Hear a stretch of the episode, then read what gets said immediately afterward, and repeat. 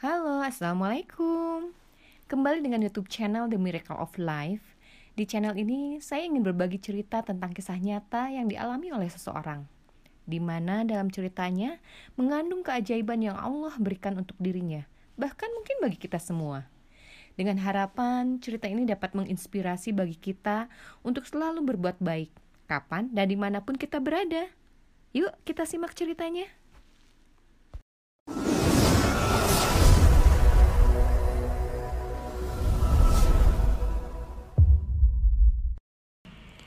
Bismillahirrohmanirrohim Umur siapa yang tahu?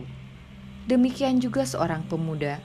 Bagaimanapun kuatnya Juga tak bisa mengelak dari hal tersebut. Kisah nyata ini diceritakan sendiri oleh pelakunya Dan pernah disiarkan oleh radio Al-Quran di Mekah Al-Mukaromah Kisah ini terjadi pada musim haji dua tahun yang lalu di daerah Su'aibah yaitu daerah pesisir pantai Laut Merah, terletak 110 km di selatan Jeddah. Ayahku adalah seorang imam masjid, namun demikian aku tidak sholat. Beliau selalu memerintahkan aku untuk sholat setiap kali datang waktu sholat. Beliau membangunkanku untuk sholat subuh, akan tetapi aku berpura-pura seakan-akan pergi ke masjid, padahal tidak. Bahkan, aku hanya mencukupkan diriku dengan berputar-putar naik mobil hingga jamaah selesai menunaikan sholat. Keadaan yang demikian terus berlangsung hingga aku berumur 21 tahun.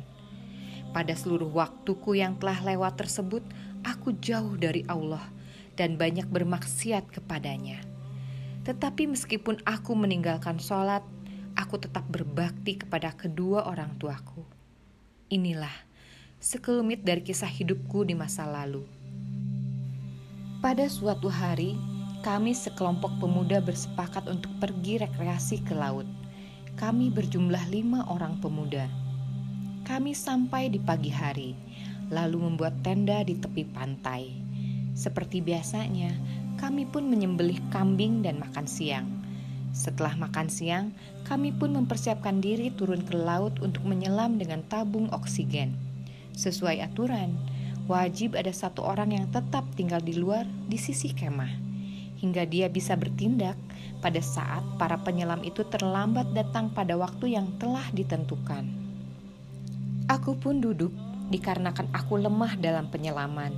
Aku duduk seorang diri di dalam kemah, sementara di samping kami juga terdapat sekelompok pemuda yang lain. Saat datang waktu sholat, salah seorang di antara mereka mengumandangkan azan Kemudian mereka mulai menyiapkan sholat. Aku terpaksa masuk ke dalam laut untuk berenang agar terhindar dari kesulitan yang akan menimpaku jika aku tidak sholat bersama mereka. Karena kebiasaan kaum muslimin di sini adalah sangat menaruh perhatian terhadap sholat berjamaah dengan perhatian yang sangat besar, hingga menjadi aib bagi kami jika seseorang sholat pardunya sendirian. Aku sangat mahir dalam berenang. Aku berenang hingga merasa kelelahan, sementara aku berada di daerah yang dalam. Aku memutuskan untuk tidur di atas punggungku dan membiarkan tubuhku hingga bisa mengapung di atas air. Dan itulah yang terjadi. Secara tiba-tiba, seakan-akan ada orang yang menarikku ke bawah. Aku berusaha untuk naik, aku berusaha untuk melawan, aku berusaha dengan seluruh cara yang aku ketahui. Akan tetapi, aku merasa orang yang tadi menarikku dari bawah menuju ke kedalaman laut seakan-akan sekarang berada di atasku dan menenggelamkan kepalaku ke bawah. Aku berada dalam keadaan yang ditakuti oleh semua orang. Aku seorang diri. Pada saat itu aku merasa lebih lemah daripada lalat. Nafas pun mulai tersendat, darah mulai tersumbat di kepala. Aku mulai merasakan kematian. Tiba-tiba, aku tidak tahu mengapa. Aku ingat kepada ayahku, saudara-saudaraku, kerabat-kerabat, dan teman-temanku. Hingga karyawan di toko pun aku mengingatnya. Setiap orang yang pernah lewat dalam kehidupanku terlintas dalam ingatanku. Semuanya pada detik-detik yang terbatas. Kemudian setelah itu aku ingat diriku sendiri mulailah Aku bertanya kepada diriku sendiri, apa engkau sholat? Tidak. Apa engkau puasa? Tidak. Apa engkau telah berhaji? Tidak. Apa engkau bersodakoh? Tidak. Engkau sekarang di jalan menuju robmu. Engkau akan terbebas dan berpisah dari kehidupan dunia, berpisah dari teman-temanmu. Maka bagaimana kamu akan menghadap robmu?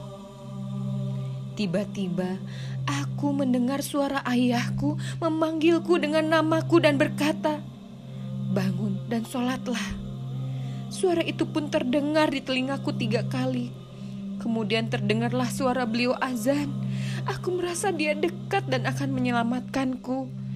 Hal ini menjadikanku berteriak menyerunya dengan memanggil namanya. Sementara air masuk ke dalam mulutku. Aku berteriak, berteriak, tapi tidak ada yang menjawab. Aku merasakan asinnya air di dalam tubuhku. Mulailah nafas terputus-putus. Aku yakin akan mati. Aku berusaha untuk mengucapkan syahadat. Kuucapkan, asyadu, asyadu. Aku tidak mampu untuk menyempurnakannya.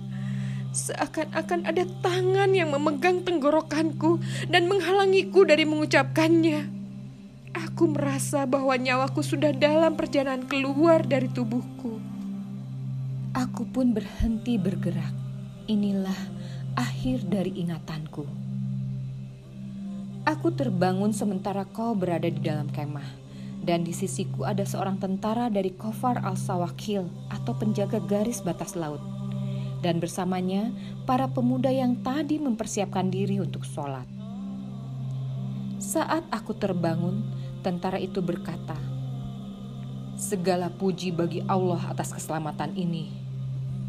Kemudian dia langsung beranjak pergi dari tempat kami.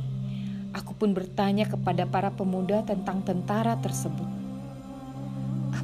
"Apakah kalian mengenalnya?"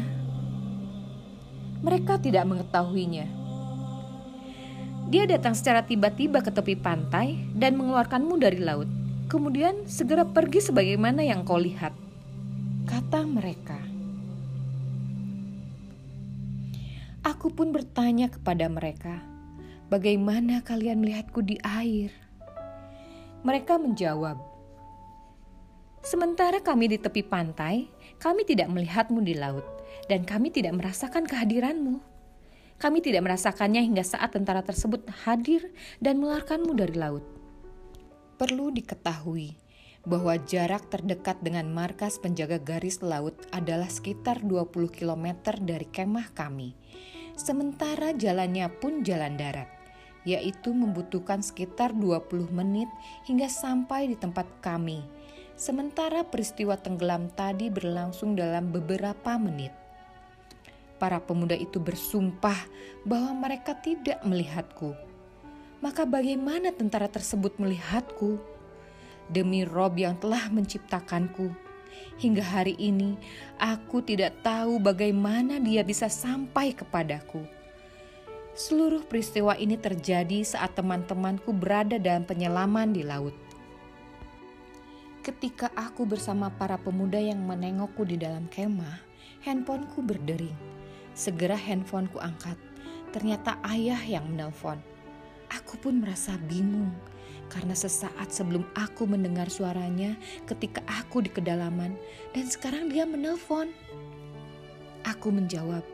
Beliau menanyai keadaanku. Apakah aku dalam keadaan baik? Beliau mengulangnya berkali-kali. Tentu saja, aku tidak mengabarkan kepada beliau supaya tidak cemas. Setelah pembicaraan selesai, aku merasa sangat ingin sholat. Maka aku berdiri dan sholat dua rakaat yang selama hidupku belum pernah aku lakukan. Dua rakaat itu aku habiskan selama dua jam. Dua rakaat yang kulakukan dari hati yang paling jujur dan banyak menangis di dalamnya. Aku menunggu kawan-kawanku hingga mereka kembali dari petualangan. Aku meminta izin untuk pulang duluan. Aku pun sampai di rumah dan ayahku ada di sana. Pertama kali aku membuka pintu, beliau sudah ada di hadapanku dan berkata, "Kemari, Nak, aku merindukanmu. Aku pun mengikutinya. Kemudian beliau bersumpah kepadaku dengan nama Allah agar aku mengatakan kepada beliau tentang apa yang telah terjadi padaku di waktu asyar tadi. Aku pun terkejut, bingung, gemetar, dan tidak mampu berkata-kata. Aku merasa beliau sudah tahu. Beliau mengulangi pertanyaannya dua kali. Akhirnya, aku menceritakan apa yang terjadi padaku. Kemudian beliau berkata, Demi Allah, sesungguhnya aku tadi mendengarmu memanggilku, sementara aku dalam keadaan sujud kedua pada akhir sholat asyar, seakan-akan engkau berada dalam sebuah musibah. Engkau memanggil-manggilku dengan teriakan yang menyayat-nyayat hatiku. Aku mendengar suaramu, dan aku tidak bisa menguasai diriku hingga aku berdoa untukmu dengan sekeras-kerasnya, sementara manusia mendengar doaku. Tiba-tiba, aku merasa seakan-akan ada seseorang yang menuangkan air dingin di atasku. Setelah sholat, aku segera keluar dari masjid dan menghubungimu. Segala puji bagi Allah, aku merasa tenang begitu mendengar suaramu. Akan tetapi, wahai anakku, engkau teledor terhadap sholat engkau menyangka bahwa dunia akan kekal bagimu, dan engkau tidak mengetahui bahwa Robmu berkuasa merubah keadaanmu dalam beberapa detik. Ini adalah sebagian dari kekuasaan Allah yang Dia perbuat terhadapmu. Akan tetapi, Rob kita telah menetapkan umur baru bagimu. Saat itulah aku tahu bahwa yang menyelamatkan aku dari peristiwa tersebut adalah karena rahmat Allah Ta'ala, kemudian karena doa ayah untukku. Ini adalah sentuhan lembut dari sentuhan-sentuhan kematian. Allah Ta'ala ingin memperlihatkan kepada kita bahwa betapapun kuat dan perkasanya manusia akan menjadi makhluk yang paling lemah di hadapan keperkasaan dan keagungan Allah Ta'ala. Maka semenjak hari itu, Sholat tidak pernah luput dari pikiranku. Alhamdulillah. Wahai para pemuda, wajib atas kalian taat kepada Allah dan berbakti kepada kedua orang tua. Ya Allah, ampunilah kami dan kedua orang tua kami, terimalah tobat kami dan tobat mereka, dan rahmatilah mereka dengan rahmatmu. Semoga cerita tadi menjadi pelajaran bagi kita semua. Jangan sekali-kali mengabaikan kewajiban ibadah kita walaupun kelihatannya sepele. Jangan lupa subscribe dan bunyikan lonceng untuk dapat cerita menaik lainnya ya. Assalamualaikum.